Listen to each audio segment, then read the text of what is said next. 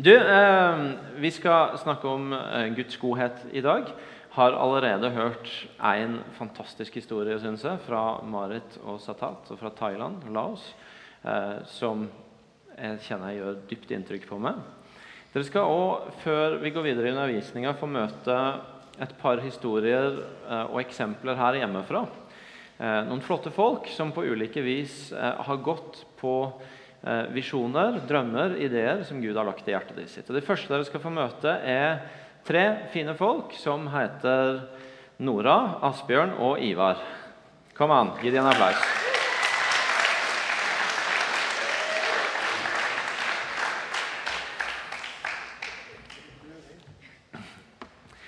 Dette er Det er du som skal ha mikrofonen, ja. Eh, dette er tre flotte folk som har gått på akta her på huset. De har forskjellige lederroller her. Nora jobber med å lede kaféarbeidet vårt. Ivar og Asbjørn leder lovsang. Og Nora er også med i lovsangstjenesten. Eh, og siden litt tidligere i høst, eh, jeg tror sånn ca. i 39 dager, så har de bodd i telt. Uh, og uh, Det var litt interessant, så det hadde jeg lyst til å høre litt mer om. Hvorfor har dere gjort det sånn midt på høsten? Midt på høsten um, Vi opplevde at Gud førte oss sammen til å bo sammen. Og så sa han 'flytt inn i telt'. og så OK, i alle dager, hvorfor det? Nei, gjør det som en profetisk handling på det dere skal gjøre framover. Um, og det vi skal gjøre Hør meg. Det vi skal gjøre, er å starte et kollektiv, et lovsangshus, et, et bønnehus. Um, rett og slett Vi bare bruker veldig mye tid i Guds nærvær. Vi er Felles for oss alle at vi elsker Jesus, vi elsker Guds nærvær. Vi har veldig tro på at når vi er rundt Gud i Guds nærhet, så skjer det veldig mye. Det merker vi både i lovsangen her, G11, G18. At i den atmosfæren så skjer det veldig mye både i oss og rundt oss. Eh, og det ønsker vi skal være hverdagen vår, egentlig. Um, så Derfor så har vi lyst til å bo sammen, bruke mye tid i bønn og lovsang eh, for å skape rom for at Gud kan få kunne si og bare dele av seg. da. Eh, at vi rett og slett kan være en del av det. Så et kollektiv som handler om lovsang, som skal være med på å bety noe ikke bare for dere tre, men for menigheten. Uh, og som altså begynner i telt. 40 dager opplevde dere Gud minne om. I dag er det gått 39, så i morgen flytter dere inn. Da håper vi dere kan svare oss på. Um, ja. I morgen tidlig så er vi ferdig i teltet. Og uh, vi er på utkikk etter hus uh, i Stavanger-området. og helst sentrumområdet. Vi har vært på utkikk lenge, men ennå ikke funnet det som vi har lyst på. Så, så, hvis folk har noen ideer om praktisk plass å bo, om dere har lyst til å bare støtte oss i bønn, om dere har lyst til å støtte oss med å komme og bruke tid sammen med oss, eller økonomisk, så er dere hjertelig velkommen til det. For vi ønsker at dette skal være en plass der det kan komme som familie og tilbe Gud sammen eh, i stua vår. Det er ikke noe mer hokus pokus om det rett og slett bruke tid med Gud sammen som en familie. Og Da er dere alle hjertelig velkommen til. Ja. Så hvis de har lyst til å høre litt mer om det dere gjør, eller kanskje til og med har et hus til dere, eller har lyst til å vite hva de kan be inn i, så inn i, så er dere litt tilgjengelig etterpå? Vi står i en krok der etterpå. En krok der. Ja, dere finner oss. Ja, ute i kafeen. Ja. Kjempebra. Takk skal dere ha.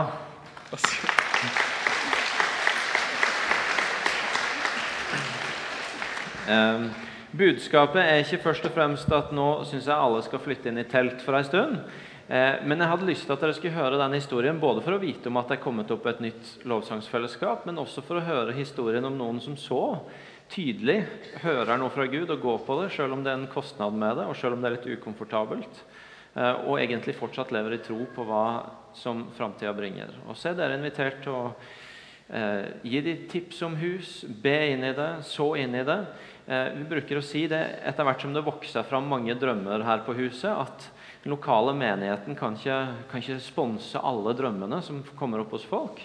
Eh, og vi oppfordrer dere som er menigheten, til å holde fast på givertjenesten inn i menigheten og helheten av arbeidet vårt. Men hvis noen av dere får et hjerte som gjør at dere utover det har lyst til å så inn i noen sånne bestemte visjoner, så kan dere snakke med de, eller med, hvis det skulle dukke opp andre ting. Eh, sånn at dere gir til menigheten, og så har dere også mulighet til å utover det så inn i sånne visjoner. Så har jeg lyst til at dere skal møte en annen fyr som ikke så vidt jeg vet, er så veldig opptatt av å bo i telt, men som allikevel har masse galskap med seg og masse Guds godhet med seg. Eh, han heter Rune, og dere må gi han en skikkelig applaus.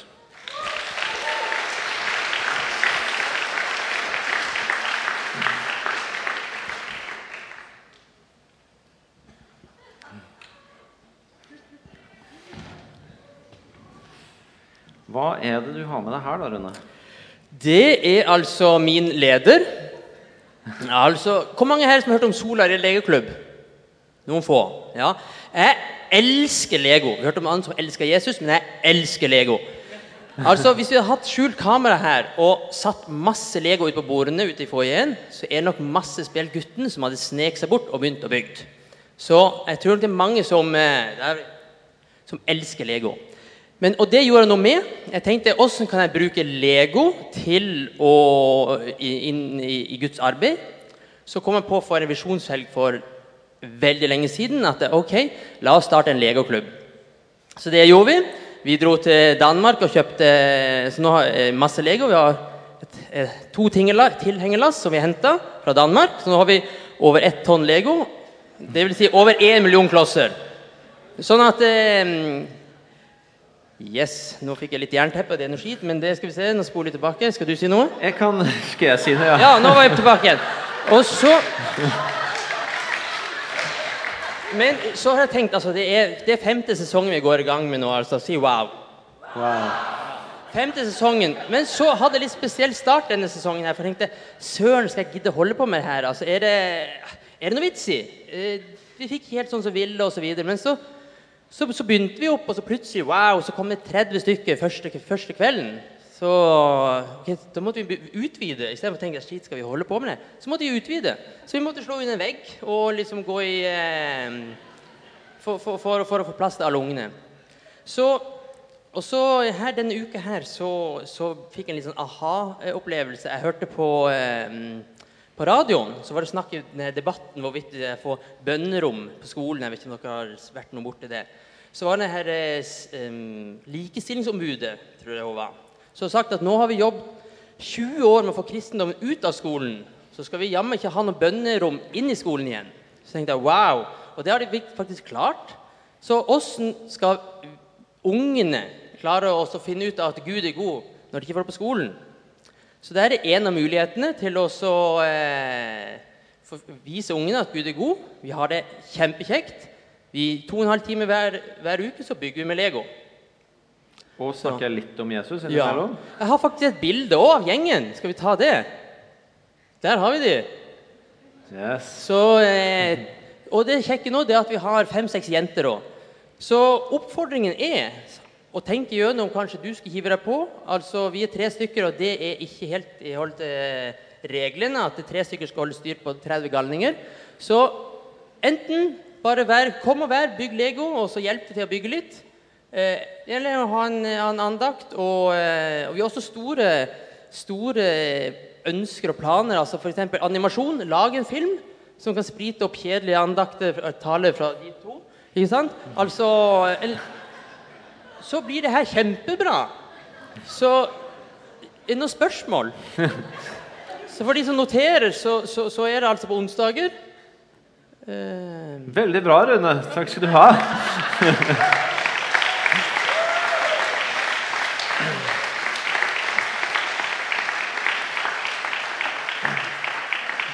to vidt forskjellige måter på å gjøre Guds godhet tilgjengelig midt i hverdagen.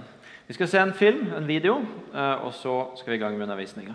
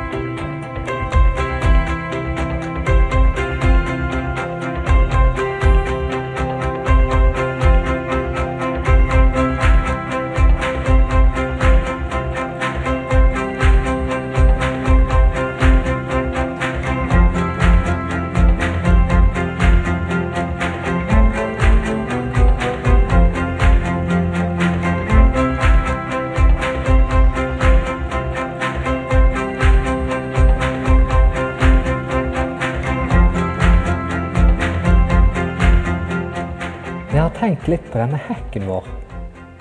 Denne enorme kjempehekken vår. Den har som mål å stenge noen ute. Hindre at noen ser inn. Rene muren. Lurer på hva de på den andre siden tenker om den, og om oss. Hva om vi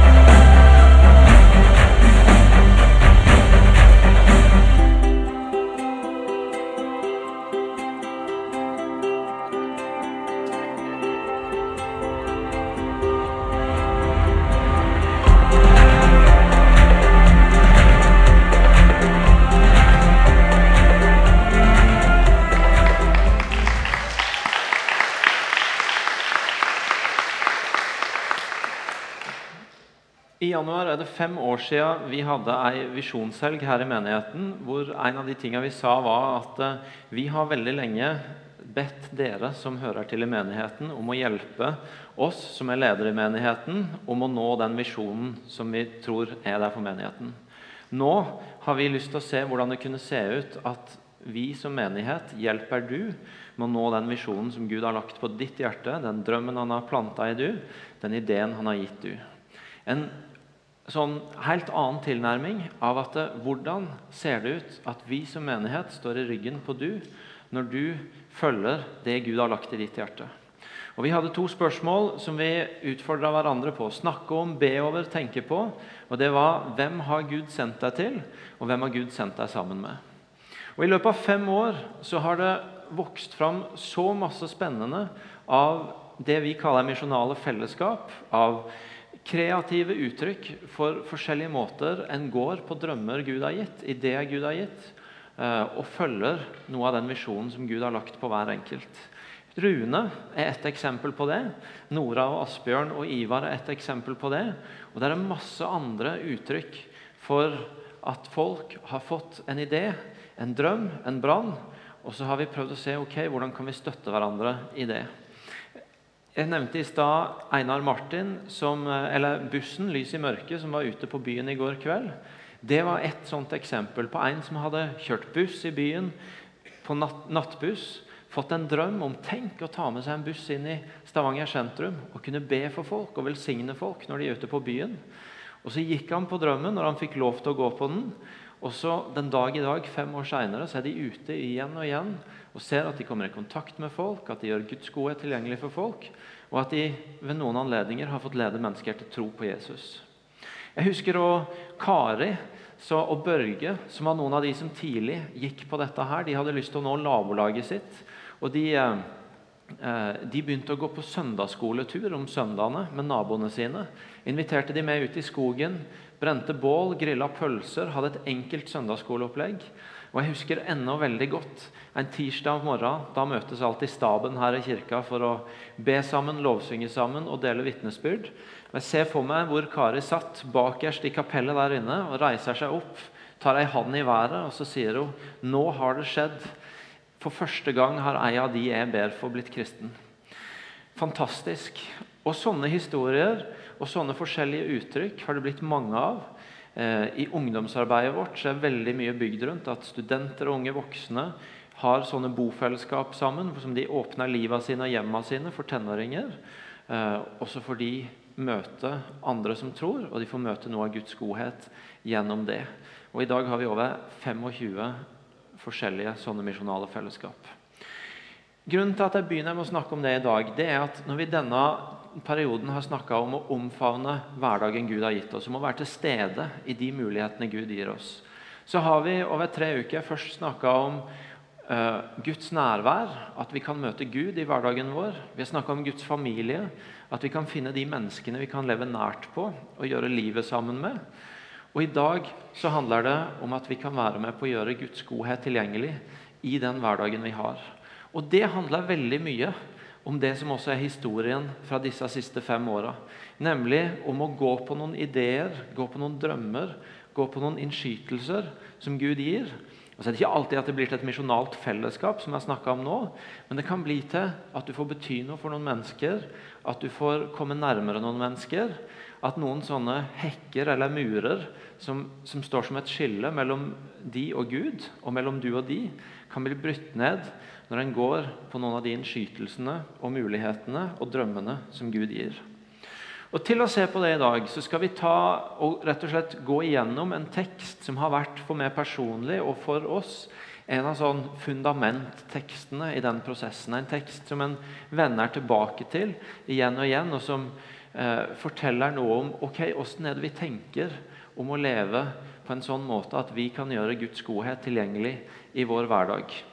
Eh, og Om ikke vi skal gjøre helt konkret ord for ord, så er det ikke kjempelangt unna heller. Vi skal se på Lukas 10. Dere kan slå opp i Lukas 10. Og så skal vi rett og slett i denne talen i dag eh, jobbe oss gjennom den teksten. Og så har jeg lyst til å oppmuntre deg til å lytte deg inn og se, fordi nå kommer du til å få ganske mange forskjellige momenter i en prosess. Eh, det er ikke sikkert at alle treffer der du er akkurat nå, men jeg er ganske sikker på at noe av det treffer der du er. Så lytt til orda, lytt til spørsmåla og spør ok, hvor er det her at jeg skal koble meg på og gripe fatt i noe som kan ta meg ett steg lengre. Det i Lukas 10, starten av kapittelet, det handler om at Jesus sender ut de 72. Og det begynner med å si Siden utpekte Herren 72 andre og sendte de ut foran seg. Det begynner med det at Jesus sendte de ut. At han sendte sine disipler ut for å representere han.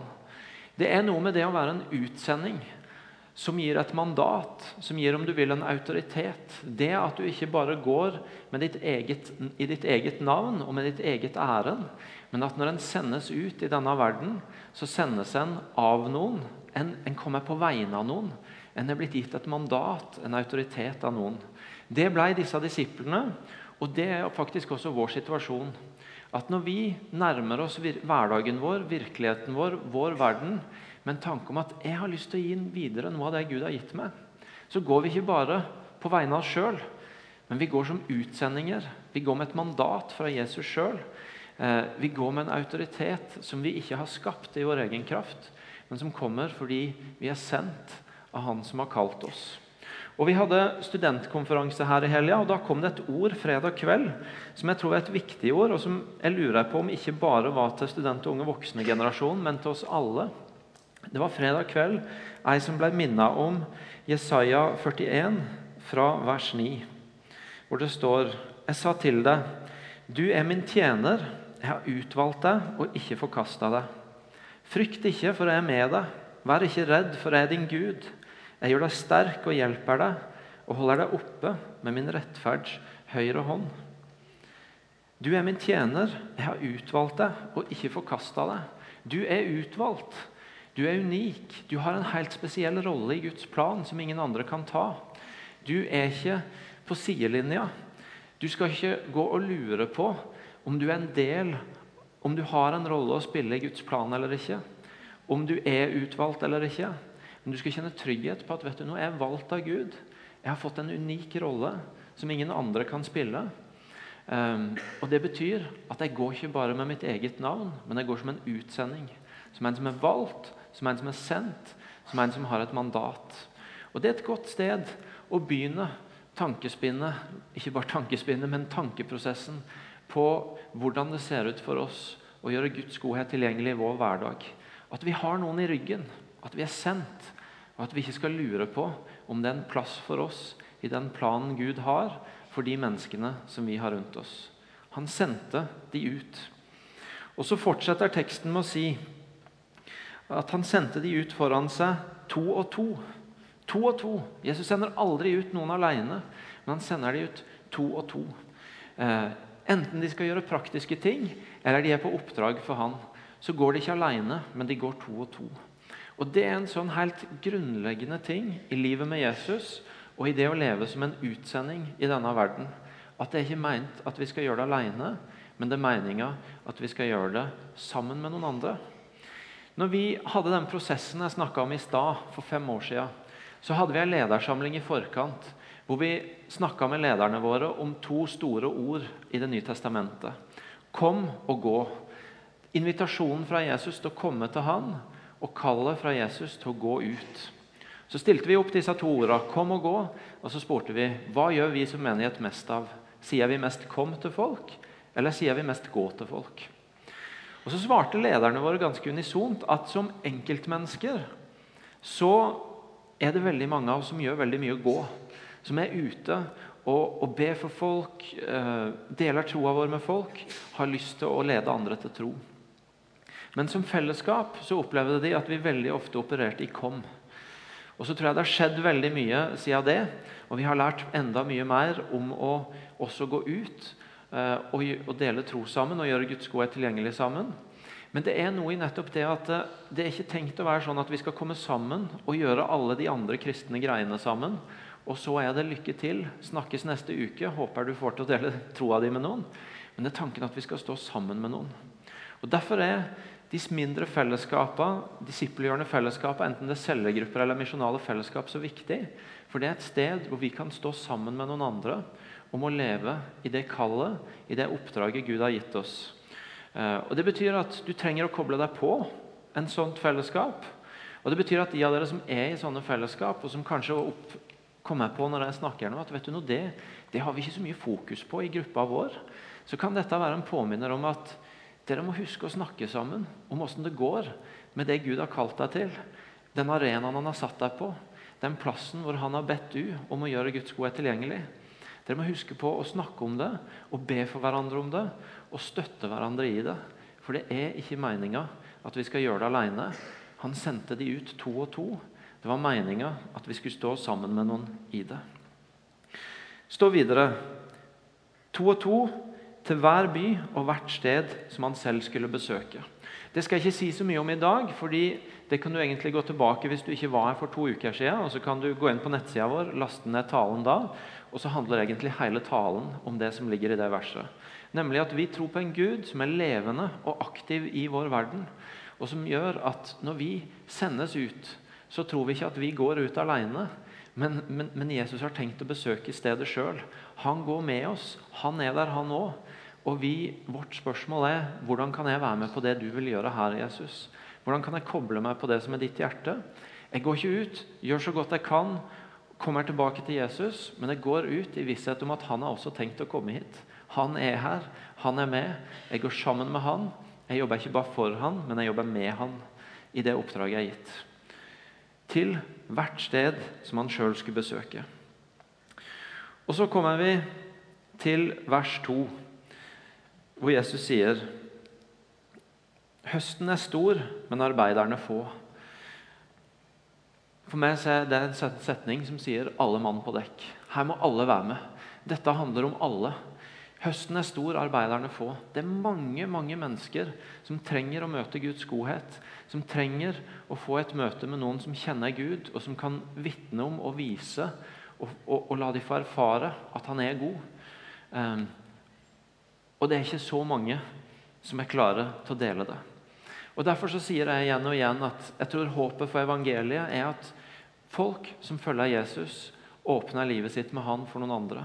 Og at drømmen er ikke at det bare skal være noe som noen få gjør, som får lønna si fra en kristent arbeidssted, eller som får, kommer ut som evangelist på nådegavetester, men at det er noe som handler om alle som følger Jesus, finner ut ok, hvordan ser det ut for meg å være med på denne høsten og leve i denne utsendelsen og være en som lar noen andre få smake på at Gud er god gjennom det livet jeg lever. Høsten er stor, arbeiderne er få, alle må være med. Og Så fortsetter han med å si, be derfor, høstens herre. Be. Et sånt liv som det vi snakker om nå, det blir født i bønn. Det blir ikke født i at vi prøver så godt vi kan. Det blir ikke født i at vi bare kommer opp med våre beste ideer. Men det blir født i at vi ber til Gud, og at Han får gjøre noe med våre hjerter. Og at Han begynner å virke i hjertene til de menneskene som vi ber for. Noe av det som jeg har blitt utrolig oppmuntra av å høre om i det siste, det er en del mødre rundt om i denne byen som går rundt og ber i bydelene sine. Både på Hillevåg og på Hinna så er det mødre som ber for bydelen, for skolene der, for barnehagene der, for forskjellige steder der. Og så forteller de faktisk om at de opplever at da begynner det å skje noe. Når de går sammen og ber for det stedet de hører til. De forteller om ting som endrer seg, om mennesker som kommer nærmere Gud. Og For noen få uker siden så fikk jeg en tekstmelding fra ei som fortalte at hennes semester begynte med at ei av de som var blitt bedt for i den bydelen, hadde tatt imot Jesus og begynt å følge han.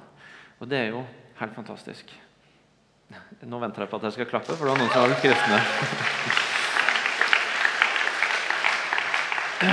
Når ba du sist for nærmiljøet ditt, for bydelen din, for skolene der, for barnehagene der, for universitetet du går på, for arbeidsplassen din, for naboene dine, for familien din? Når ba du for de menneskene Gud har plassert deg blant sist? Eh, når ba dere for de sist i cellegruppa eller det misjonale fellesskapet? Når ba dere for de rundt middagsbordet hjemme? Be derfor. Et dette livet fødes i bønn. Og når, når, vi ber, så gjør Gud noe i våre hjerter, og han begynner å gjøre noe i hjertene til de vi ber for, og, og i de bydelene, de områdene, de arbeidsplassene vi ber for. Dette livet fødes i bønn. Og Så fortsetter Jesus med å si 'gå av sted'. Litt sånn, Vi har snakka noen ganger om særlig Martin. Eh, snakker om profeten Nike. 'Just do it'. Dette her er et litt sånt ord. Gå av sted. Bare gå og gjør det, da. Gå og gjør det. det jeg, jeg, tror ikke at uh, disiplene var forberedt helt på at nå skulle plutselig Jesus sende dem ut og si at nå får dere prøve på egen hånd. Nå har dere fulgt med lenge, jeg har vist dere masse ting, jeg har undervist dere. Men nå må dere gå og gjøre det. Jeg tipper de ikke var helt forberedt, ikke var helt klare. Hadde lyst til å lese gjennom notatene sine en gang til. Hadde hatt lyst til å få Jesus til å vise noen ting en gang til. Eh, kanskje teste noen ting en gang til. Men gå av sted. Bare gjør det. Og det er litt sånn for oss òg. Jeg tror ikke vi blir mer klare om ei uke eller en måned eller et år. Det er alltid noe som kunne vært bedre. Eh, noe vi syns vi kunne hatt mer stell på. Noen svar vi kunne hatt bedre. Litt mer overskudd. Alle de tinga der. Men vi blir aldri helt klare. Så bare gå av sted. Begynn å gjøre det. Begynn å leve i det med det livet du har nå. Med de mulighetene du har nå. Med det du ser at du kan ta med deg inn i din hverdag og din kontekst akkurat nå. Og så er det også noe i det ordet 'gå' som minner oss om at selv om i disse ukene snakker jeg veldig mye om hverdagen vår, og det høres veldig lokalt ut, at det handler om her og nå og de nabolagene, de arbeidsplassene, de stedene vi lever i nå, så er det også noe i ordet 'gå' som signaliserer at noen ganger så betyr det å gå lengre enn til naboen. Vi har møtt Marit og Satat i dag, og vi har hørt om Marit som stilte med to åpne hender og sa til Jesus jeg har lyst til å bety noe, og jeg har egentlig lyst til å være med på eventyr. Og så ender det opp i Laos. Og Noen ganger så betyr det å gå og det å omfavne hverdagen Gud gir oss, at Gud gir oss en hverdag noen steg lenger unna. At han kaller oss til å reise litt lengre. At det er noen nye ting som kan vokse fram. Eh, og Det skal også få klinge i disse ukene. At av og til så er det å omfavne hverdagen og også være åpen for at det finnes en hverdag et annet sted hvor akkurat de samme prinsippene gjelder. Om å omfavne de mulighetene Gud gir der, sjøl om det plutselig viser seg at oi, det var ikke i Stavanger, men plutselig var det i Asia eller et annet sted. Gå av sted, bare gjør det, og vær åpen for at plutselig så kan det hende at du må gå lenger enn du trodde. Så fortsetter jeg med å Jesus med å si noe som jeg syns er veldig stilig sagt av han. Jeg syns Jesus er elegant når han sier dette her. Jeg sender dere som lam blant ulver. For der har Jesus en nydelig balanse. Du vet, Vi har på den ene sida som kristne litt sånn historie på å være veldig skeptiske til alt som skjer utenfor våre kristne sirkler. Det er blitt mye bedre, eh, men vi har litt historie på det, og en del husker det fortsatt. At Litt sånn holdning til at verden der ute det er et skummelt sted. Eh, og så har vi kanskje også litt historie på at det finnes ei annen grøft, hvor en tenker at ingenting er farlig, der fins ingen fristelser, ingen utfordringer. Eh, jeg skal bare være midt i verden og, eh, og har ingenting å frykte. Og så er det noe i dette ordet til Jesus som sier at jeg tenker, jeg sender dere som lam blant ulver. Jesus sender ikke sine disipler, som han har investert tre år i, som han har gitt alt sitt beste til, som han er kjempeglad i. Jeg tror ikke han sender de som lam blant ulver hvis han ikke har en klar formening om at det, kommer, det kan gå bra. Det kommer til å gå bra. Eh, og Det betyr at han har, han har den holdninga at vet du noe, hvis dere er på lag med, og, og, og har til og med i dere han som sjøl hadde kreft, makt til å vinne over døden, så er dere trygge, sjøl om dere går som lam blant ulver. Dere er trygge på å bevege dere i denne verden. Eh, fordi dere går med Han som er sterkere enn døden og alle dens krefter. Eh, og dere skal ikke møte verden rundt dere med frykt, med litt sånn skuling. Men dere skal ha en trygghet på at vet dere noe? Jeg går her og jeg er trygg fordi Jesus er med meg. Noen av dere har hørt meg fortelle før, men jeg synes det er såpass gøyalt at jeg lar meg friste til å fortelle det en gang til. Eh, historien om boka jeg fant hjemme hos mamma og pappa, som hadde tittelen 'Er det synd nå?' prikk, prikk, prikk, spørsmålstegn, og som skulle være en sånn veiledning for kristen ungdom i hva som var synd, og hva som ikke var synd. Av, den skrev i 1970. Eh, og Et av spørsmålene som sto der, det var 'Er det synd å gå på kino?' Um, og Så svarer forfatteren av boka at nei, jeg vil ikke akkurat si at det er synd, men hva i all verden skal du der å gjøre? og så sier han noe om faren i alt det vi kan fylle oss med og få innflytelse på livet våre.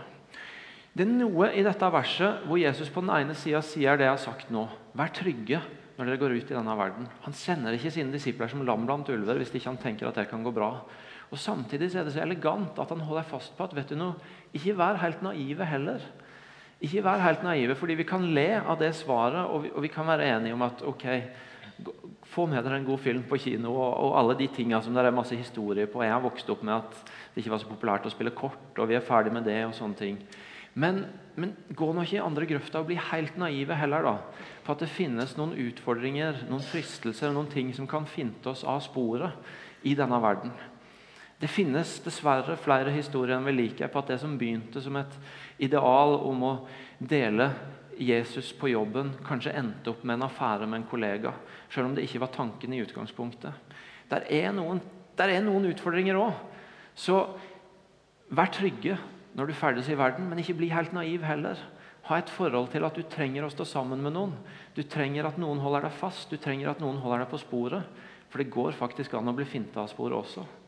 Jeg syns Jesus er utrolig elegant når han sier 'Jeg sender dere som lam blant ulver'. Ha trygghet, men ikke bli naive. Det tok den? Ja. Og Så fortsetter han med å si noe som jeg syns er like bra. Ta ikke med dere pengepung, ikke veske og ikke sko. Ikke ta med dere alt dere trenger. Ikke ta med dere alt som gjør at dere kan klare dere sjøl helt på egen hånd. Eh, men gå med noen tomme hender, som Marit snakka om. Gå uten å ha alt dere trenger sjøl. Her er det to ting jeg tenker på som er verdt å ta med seg. Og Det ene handler om forholdet mellom oss og Gud. Om å stille seg sjøl i en posisjon i vår hverdag som gjør at vi faktisk trenger at Gud møter opp. Som gjør at vi ikke har alt i oss sjøl, men at vet du noe, hvis jeg skal komme i mål med dette, Gud, så trenger jeg at du møter opp, at du er med meg, at du gjør noe som ikke jeg kan gjøre i egen kraft. Denne uka så er jeg blitt så oppmuntra av Salme 110. Eh, hvor For det første så står det i starten Sett deg ved min høyre hånd til jeg får lagt dine fiender som skammel for dine føtter. Det er et sånt deilig vers bare om at eh, vet du noe, Sett deg her ved meg og vent, sier Gud, på at jeg skal ordne opp for deg. På at jeg skal legge veien klar for deg, sånn at du kan gå inn i det. Men så sier, står det i vers 3.: Folket ditt møter deg villig fram den dagen du viser din kraft. Og så kommer det noe som er veldig poetisk, men også veldig bra. Din ungdoms dugg kommer til deg i hellig prakt fra morgenrødens fang. Bildet er egentlig at når folket stiller opp Dette er et bilde av når folk skal stille opp til strid. Eh, rett før sola går opp og være klare til når lyset kommer, så sier det noe om at da kommer Gud og gir dem ekstra krefter. Gir dem noe som de ikke hadde fått fra før. Eh, han viser sin kraft, og din ungdoms dugg kommer til deg. Altså kraft som du ikke hadde fra før, kommer til deg. Og så står det i vers 7, når det har fortsatt litt, så står det at han drikker av bekken ved veien. Derfor løfter han hodet høyt. Når de har vært ute i det en stund, når de har stått i striden en stund, og, og hodet begynner å henge litt, så kommer Gud med en bekk som de kan drikke av, sånn at de løfter hodet igjen. Sånn at det kommer opp, hodet kommer opp, og de kan gå videre. Og Det sier oss noe om at det er noen velsignelser fra Gud, noe kraft fra Gud, noe Gud vil gi til oss, som ikke uten videre kommer til oss før vi stiller oss i den posisjonen hvor vi trenger Han, og hvor vi er klare til å gå inn i det Han har lagt for oss. Det er noe av det Gud ønsker å gi inn i livet vårt, av kraft, av, eh, av muligheter, av velsignelse, som først dukker opp den dagen hvor vi står der og er klare til å gå inn i det, og faktisk trår inn i det. Og Det betyr at når Jesus sier dette, så ber han oss om å sette oss i en posisjon hvor vi trenger Gud, og hvor Gud kan få være med og virke i de mulighetene som vi har i vår hverdag. Og Sette oss sjøl i posisjon her hvor vi må be for folk, og enten så møter Gud opp, eller så skjer det ikke noe. Og sette oss sjøl i posisjoner hvor vi, hvor, vi, hvor vi, strekker oss overfor noen på en måte som vi kanskje ikke egentlig er klar for i oss sjøl, men som hvis Gud møter opp og gir oss det ekstra vi trenger, så går det bra. Og sette oss i en posisjon hvor vi trenger at Gud er der. Men så har dette perspektivet også noe med forholdet mellom oss og andre mennesker å gjøre. For det er noe med å også sette oss sjøl i en posisjon hvor vi ikke alltid ikke sant? Vi snakker nå om å være de som skal gjøre Guds godhet tilgjengelig. Men allikevel plassere oss der hvor det ikke alltid er vi som skal være de sterke, de som har noe å gi, de som skal velsigne, de som er de gode. Men å faktisk av og til være de som ser at vi kommer nærmere noen ved at vi lar andre tjene oss, ved at vi lar andre få bety noe for oss. Noen gode venner av meg i Danmark bor i Århus. Flytta inn i en bydel der som stort sett bare besto av mennesker som var nye i landet og nye i byen. Og Det ble en litt sånn gettolignende preg der av folk fra andre nasjonaliteter. Eh, og det ble en del utfordringer med det. Og Noen fra denne menigheten som vi kjenner der, de flytta inn i den bydelen med et ønske om å bringe Guds godhet dit, om å bety noe godt der, om å bygge relasjoner til mennesker der. Flytta inn i ei blokk, begynte å bygge relasjoner, prøvde å finne ut ok, hva vil det si å, å bringe Guds godhet her. Og Så forteller de at den dagen det virkelige skiftet kom, det var den dagen de spurte nabokona om å passe på leiligheta si når de skulle på sykehuset og ta imot sitt første barn. Og når de spurte til og med om hun kunne hente dem på sykehuset. Hun hadde aldri opplevd at hun fikk lov til å bli vist en sånn tillit før. At noen inviterte hun til å tjene, tjene andre. Og I det øyeblikket hun fikk lov til å bety noe for de, så kom de innpå på en helt annen måte, som gjorde at nå fikk også de lov til å bety noe for henne. Forrige uke så hørte jeg i denne menigheten som sto i utfordringer i livet sitt. og Så hadde hun delt noe av det med nabokona. Og nabokonas respons var Takk for at du forteller meg dette. Takk for at jeg får lov til å ta del i det som skjer i ditt liv.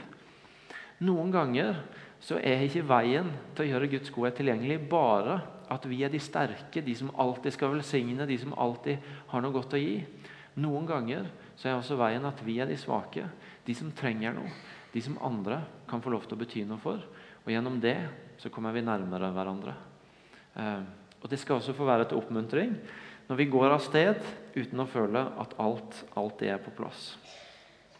Så fortsetter Jesus med å si men når dere kommer inn i et hus, skal dere først si 'Fred være med deres hjem'. Det er jo et fantastisk budskap å begynne med å gi til mennesker i vår hverdag. Fred være med dere. Jesus sier noe til oss om, om hvor vi begynner, hva som er startpunktet når vi skal nærme oss virkeligheten rundt oss, når vi skal omfavne vår hverdag. Det å ønske folk fred det er et ord som det, det er noe godt ved, som det er varme ved som det er et veldig klart uttrykk for å ønske folk godt ved. Og, og, Jesus forteller oss noe om at det er startpunktet. Å ønske folk fred, å komme med noe godt. Å være ute i et godt ærend, et varmt ærend. Um, og på den måten ta et steg mot mennesket som er plassert rundt oss. Fred være med dette hjemmet. Og så fortsetter han med å si og bor det et fredens menneske der, skal freden deres hvile over ham. Noen av dere som har vært lenge på huset og har hørt mye undervisning, dere vil kjenne begrepet fredsmennesker, men det er så viktig for oss å ha tak på at det har jeg lyst til å bare si noe om, sånn at jeg er sikker på at alle har tak på det.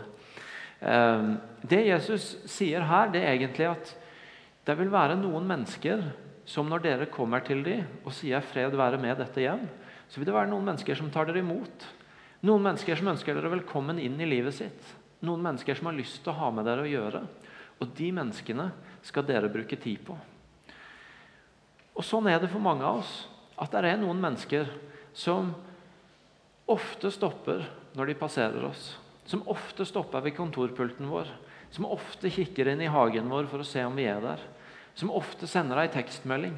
Som ofte har litt ekstra tid til å snakke på telefonen. Som ofte smiler. Som ofte gir uttrykk for at det kunne egentlig vært godt å ta et steg nærmere hverandre. Sånne mennesker er fredsmennesker. Det er mennesker som tar imot oss. Og Jesus sier noe om at det er et utgangspunkt for å tenke om hvor vi skal bruke tida vår. At Sånne fredsmennesker kan vi stoppe opp for. Ikke bare be dere forderva for de som, de som, uansett hva du gjør, ikke, ikke, vil ha noe med deg å gjøre. Som aldri hører på deg, som aldri tar telefonen, som knapt nok nikker når du hilser på dem. Men, men stopp nå opp for de som, de som ønsker deg velkommen inn. Som tar imot freden du ønsker dem med. Stopp opp der, og bruk tida di der. Se etter fredsmenneskene. Og i forlengelsen av det som vi allerede har begynt å se på, så sier altså Jesus, 'Bli boende der i huset. Spis og drikk det de byr dere.' Bli boende der. Ta inn hos disse menneskene som er fredsmennesker. Ta inn hos disse menneskene som ønsker dere velkommen inn. Og bli der. Bruk tid der. Det er et eller annet i det Jesus sier, som har med tålmodighet å gjøre. Som har med vilje til å bli værende, til å holde ut ei stund, til å ta seg litt god tid. Noen av de historiene jeg har hørt eh, det siste tida, det siste året her i menigheten, har vært en god del historier faktisk om folk som har bedt lenge for folk uten å se noe skje. Og så plutselig så skjedde det noe likevel. Jeg har hørt historien om en som hadde bedt for en venn i over 20 år. Og gått tur med han eh, og bare vært venn med han. Og plutselig, i vår, så var denne vennen etter så lang tid klar for å ta noen nye steg i forhold til tro. Jeg har snakka med ei som hadde bedt for ei venninne i over fem år. Og plutselig, en dag, helt ut av det blå, så var denne venninna hadde lyst til å snakke om tro. Og Jeg har hørt andre sånne historier også om historier om når folk har bedt for noen og egentlig gitt opp og tenkt at det nytter ikke. Og så plutselig så skjedde det noe allikevel. Plutselig så, så begynte mennesker å nærme seg Jesus allikevel. Det er noe med tålmodigheten, med utholdenheten. Jeg hørte om en menighet i USA som hadde jobba med bønn, og som sa at de hadde begynt å skifte litt fra å be Gud asap, as, long as soon as possible, og heller begynt å be litt oftere as long as it takes. Jeg har tenkt å holde ut. Jeg har tenkt å stå i bønn. Ikke bare så fort, sånn at det skjer så fort som mulig, men jeg har tenkt å stå i bønn for folk så lang tid som det tar. Jeg har lengt å stå i den drømmen, den visjonen Gud har lagt på hjertet mitt, så lenge som det tar. Martin sier av og til det er alltid for tidlig å gi opp. Det er noe med tålmodigheten, det er noe med å holde ut, med å bli boende, som Jesus snakker om. Um, og I den forbindelse så har jeg bare lyst til å nevne at En av de tingene som kommer til å komme mer opp på radaren her på huset i løpet av høsten, det er noe vi kaller Jesus på jobben det er et ønske om å frimodiggjøre de av dere som kanskje tror at det stedet Jesus virkelig har lagt på hjertet mitt, er arbeidsplassen min. Et sted hvor jeg bruker mye av tida og evnen og energien min. Uh, og så har vi lyst til å se på ok, hvordan kan det se ut å ta med seg Jesus inn i det rommet eh, og gjøre Guds godhet tilgjengelig på konkrete måter i det rommet. Kanskje brenner du for jobben din. Det er ikke bare et sted hvor du møter opp for å tjene pengene dine og gjøre det du må gjøre for å leve, men, men det er virkelig noe du brenner for, noe du har ambisjoner for. Og så har vi på en måte lyst til å si at vet du noe, det heier vi på deg. Og vi har lyst til å utruste deg sånn at den arenaen kan bli en arena for å gjøre Jesus tilgjengelig. Eh, I den prosessen har vi hørt om en god del, kanskje særlig menn, som snakker om at de lever i litt sånn to sfærer.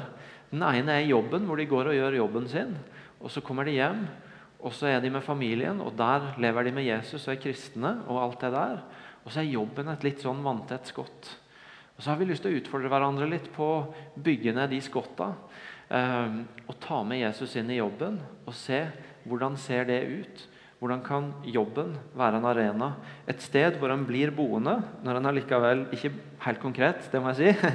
Det kan bli veldig feil. Vi vil at dere skal gå hjem og være med familien for de av dere som har det, eller med vennene deres. og sånne ting. Men i overført betydning som et sted hvor en faktisk investerer i relasjoner, eh, ber for folk, har en tanke om at her kan jeg gjøre Jesus tilgjengelig. En av de sayingsene som følger dette huset, er at små ting gjort i kjærlighet kan forandre verden. Og Det er et nydelig utsagn som også sier noe om nettopp det Jesus sier, snakker om her. Om å bli boende der. Nemlig at eh, de små tinga som det kan synes som at der og da ikke er så betydningsfulle, kan over tid være med på å forandre liv og forandre verden. Fordi det bygger noe over tid. Det bygger en tillit, det bygger en relasjon over tid. Og det får se noe inn i menneskers liv som gjør at folk får se en Gud som er god. Små ting gjort i kjærlighet kan forandre verden. Så sier Jesus, helbred de syke der, og si, Guds rike er kommet nær til dere. Helbred de syke der, og si, Guds rike er kommet nær til dere. Denne bevisstheten på at de stedene vi er sendt inn i, de stedene vi går i vår hverdag, der bringer vi noe spesielt. Vi snakker ikke bare om å være til stede. Vi snakker ikke bare om å bygge relasjon. Vi snakker ikke bare om å bruke tid med folk og komme nær folk. Men vi snakker om en bevissthet på at inn i dette så bringer jeg noe som er helt unikt, og som ikke hvem som helst andre kan bringe. Ikke i meg sjøl, men fordi jeg har med meg Guds godhet. Jeg bringer muligheten for en bønn som kan bli til en helbredelse. Jeg bringer Guds rike-prinsippene som kan snu rundt på en situasjon. Jeg bringer godheten som stikker seg utover alminnelig snillhet, men som er Guds godhet, og som kan forandre menneskers liv. Og Det er noe i det Jesus sier om at vi skal være bevisst på at vi ikke bare er der, men at vi bringer noe med oss. Noe av greia med at jeg og du, vi alle her, har en unik rolle å spille i den settinga vi er satt i, er ikke bare at vi er der, men også at vi bringer noe med oss inn i det. Helbredelse, godhet, Guds rike som kommer nær i vår virkelighet. Og Kanskje det er utfordringa for noen av oss som har brukt tid, som har vært til stede, som har kommet nær folk, men som kanskje trenger å utfordres på hvordan tar jeg med meg det unike som bare jeg kan bringe inn fordi jeg går med Gud, inn i denne settinga. Er det tid for å ta et nytt steg i forhold til å be for noen når du ser at de har vondt eller er syke? Er det tid for å ta inn noen av de orda som Gud gir i bakhodet ditt, og som kan bety forandring og visdom inn i menneskers liv når du sitter i de samtalene? Er det tida for å bringe mer av den godheten som ingen andre har sett, inn i den situasjonen du står i? Og være bevisst på at du bringer noe som ingen andre kan bringe. Helbred de syke der, og si 'Guds rike er kommet nær'. Still spørsmålet både til deg sjøl, men også til Gud. Hva er det jeg kan bringe som ingen andre kan bringe? Hva betyr det for meg å bringe Guds rike inn i denne situasjonen jeg er satt i akkurat nå? Og Se hva han sier, og se hva du oppdager. Men når dere, ikke kommer inn, nei, men når dere kommer inn i en by der, og de ikke tar imot dere, så gå ut på gatene og si:" Selv støvet vi har fått på føttene, på føttene i byen deres, kan dere beholde. Vi børster, børster det av oss. Men dere skal vite Guds rike er kommet nær. Det er en eller annen frihet i det Jesus sier til å gå videre når en ikke blir tatt imot. Til å børste støv av føttene når, når folk ikke vil ha det en bringer. Eh, til å tenke at jeg har min rolle, og hvis ikke det jeg bringer, blir tatt imot her, så kan det hende at Gud sender noen andre inn i denne situasjonen. Og Det er faktisk utrolig viktig. Fordi Hvis alle skal tenke at jeg skal ta ansvar for alt, så ender vi veldig lett opp med at ingen bringer noe som helst, fordi alle prøver å være alt på en gang. Det er nettopp noe med å tenke at hvis jeg og du har en unik rolle å spille i Guds plan, så må vi også godta at noen ganger så må vi la noe ligge. Vi må godta at å, der så jeg noe som jeg tenkte å, hadde vært, De hadde trengt så at jeg kom med Guds godhet der. Eller å, det hadde vært så nydelig om jeg fikk bety noe der. Og så viser det seg at det er ikke nåde i det. Det er ikke åpning i det. Det var ikke tida for det. Og så er det noe med å faktisk tørre å gå videre og ikke bruke opp tida og den rolla en er satt til å spille der, men å gå videre til de stedene hvor det blir tatt imot. Um, til å tro at jeg har en spesiell rolle å spille. Jeg skal ikke spille alle roller på en gang, men jeg skal prøve å finne de rommene som Gud har satt meg i, og gå inn i de og la noen andre ting ligge. Når de ikke tar imot dere, så gå videre. Og så er det jo sånn at noen ganger når vi gir slipp på ting, så vokser det noe nytt fram. Noen ganger når vi tenker at nå er det bare stengt overalt, og jeg ser ingen muligheter, og jeg føler ikke livet mitt betyr noe. Og vi i det tør å gi slipp, så åpner Gud opp noe nytt.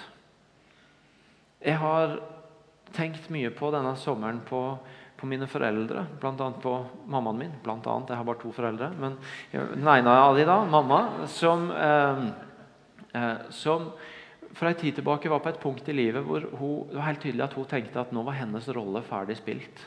Hun hadde stått på hele livet sitt i kristne sammenhenger.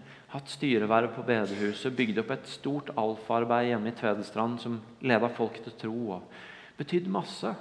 Og så var det helt tydelig at Nå tenkte hun at nå begynner min rolle å bli ferdig spilt. Kobla seg av alt, ga fra seg alt ansvar og skulle være pensjonist. Og så var det bare det at Hun bodde i et hus med min søster og familien, hvor barnebarna hennes bodde, som hun, eh, eh som hun hadde lyst til å gi Jesus til. Og så En dag så begynte hun å pusse støvet av flanellografen hun hadde på loftet. Og Så begynte hun å hente fram gitaren og de gamle barnesangene hun kunne. Og Så begynte hun å bake rundstykker. Og Så inviterte hun til barnelag hjemme i stua si. Og Så hadde hun plutselig 20 barn, og de fleste av de folk som ikke hadde noe kristen bakgrunn, inne i stua si, som fikk høre om Jesus på flanograf. Det er jo en stund siden det var trendy, men de fikk det. Som fikk synge barnesangene mamma kunne på gitaren sin, og som ble helt blanke i øya av tanken på Randis varme rundstykker. Og Plutselig så vokste det fram en ny sesong i hennes liv når hun egentlig trodde hun var ferdig, eh, i det hun ga slipp på noe av det som var ferdig. Pappaen min, som eh, har vært predikant og folkehøyskolelærer, og som folkehøyskolelærer leda mange unge mennesker til tro. Han har på en måte gått under dekket av å være folkehøyskolelærer, men han har egentlig vært misjonær. er hans egen identitet. Og Så ble han pensjonist og slutta med det. og Han var trøtt og lei og tenkte at nå er han ferdig og skal synke inn i bøkene sine og kabalen som han liker så godt å legge på PC-en sin. Og så Plutselig så begynner han å reise som evangelist igjen i Nord-Norge. og Reiser til steder som ingen andre reiser, og som aldri får besøk av noen. Og Så begynner han å dele tro med mennesker på aldershjem og på gamle bedehus. Og så plutselig så begynner han å bety en forskjell igjen idet han har gitt slipp på noe av det som hadde vært så viktig i livet hans. Og Det er ikke så mange av dere som sitter her inne som har runda 70 og er i den rolla mamma og pappa er i. Men det skjer for mange av oss innimellom at vi må gi slipp på noe. Og i det så kan det vokse noen nye muligheter fram.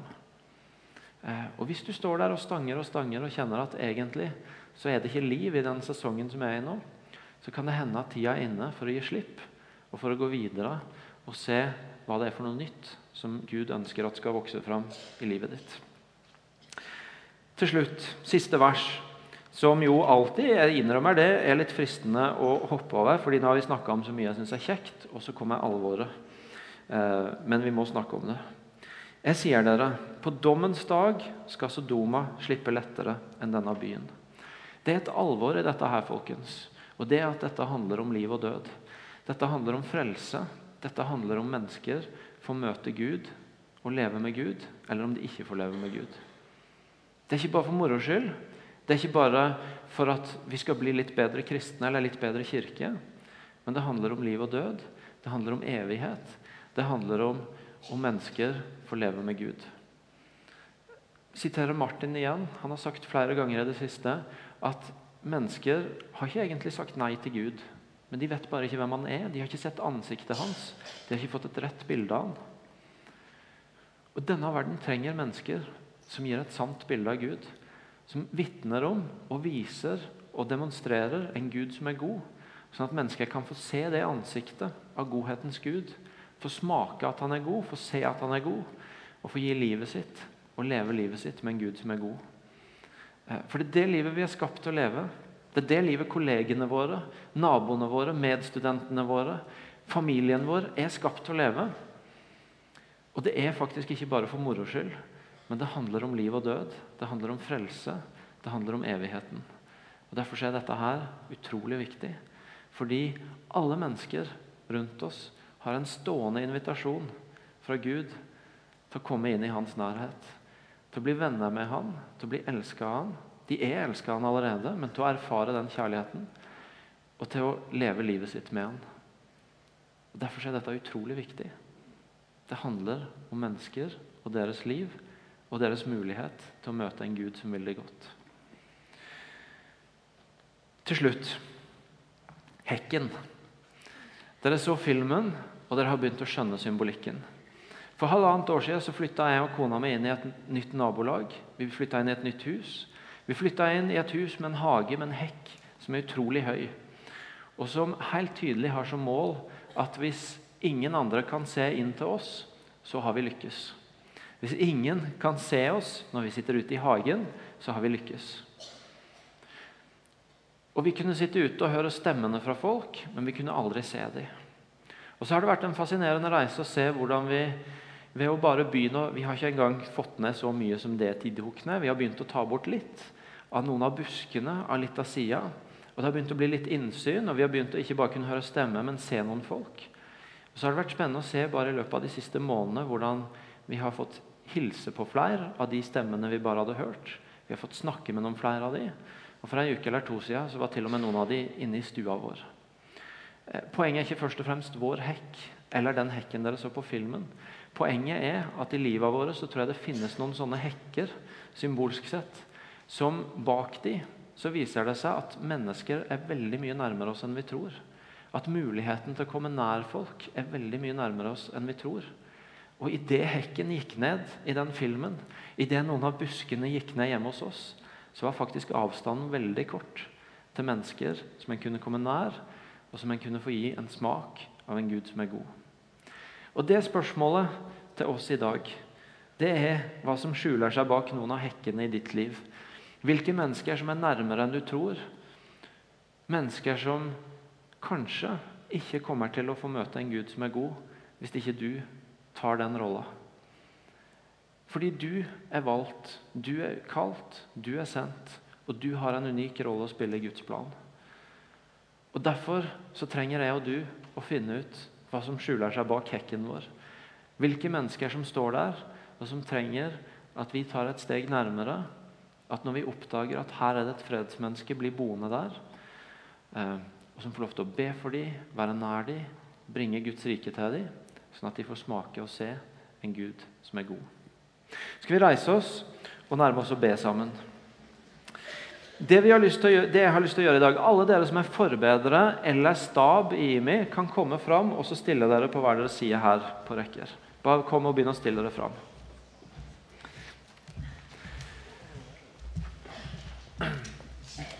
Vi har snakka om å være til stede og omfavne hverdagen Gud har gitt oss i tre uker nå. Og Vi har snakka om at i din hverdag så kan du møte Gud du kan møte de menneskene du skal leve livet nært til, og du kan være med på å gjøre Guds godhet tilgjengelig. Og I dag, på slutten av den serien, så har vi rett og slett bare lyst til å sende deg ut til den hverdagen. Be for deg en enkel velsignelse og bønn. Og si at vi heier på deg, vi står i ryggen på deg, vi er for deg. Men enda viktigere, Gud heier på deg, Gud er for deg, Gud står i ryggen på deg. Du er ikke bare en representant av deg sjøl, men du er sendt av Gud. Og Det har vi lyst til at du skal høre over livet ditt, og at det skal bli bedt over livet ditt. Sånn at du kan ta det med deg inn i hverdagen som følger. Og Invitasjonen går til dere alle til å komme fram nå og høre den velsignelsen. Dette er ikke for de av dere som har nå sittet og kjent dere veldig berørt når jeg har snakka, men det er for alle som har en hverdag. Og det tror jeg er alle som er i dette rommet. Om å komme fram og få en enkel bønn og en enkel utsendelse til det livet og den hverdagen du er gitt. Dere som er forbedrere, har ikke snakka med alle dere. Dette er ikke tida for å be lenge. Dette er for å be en enkel og kort bønn om en velsignelse og en utsendelse til det livet som Gud har gitt oss. Så bare begynn å komme fram. Så begynner lovsangstimen å synge litt. Og så har vi lyst til å be for dere og velsigne dere. Kom an, bare kom igjen.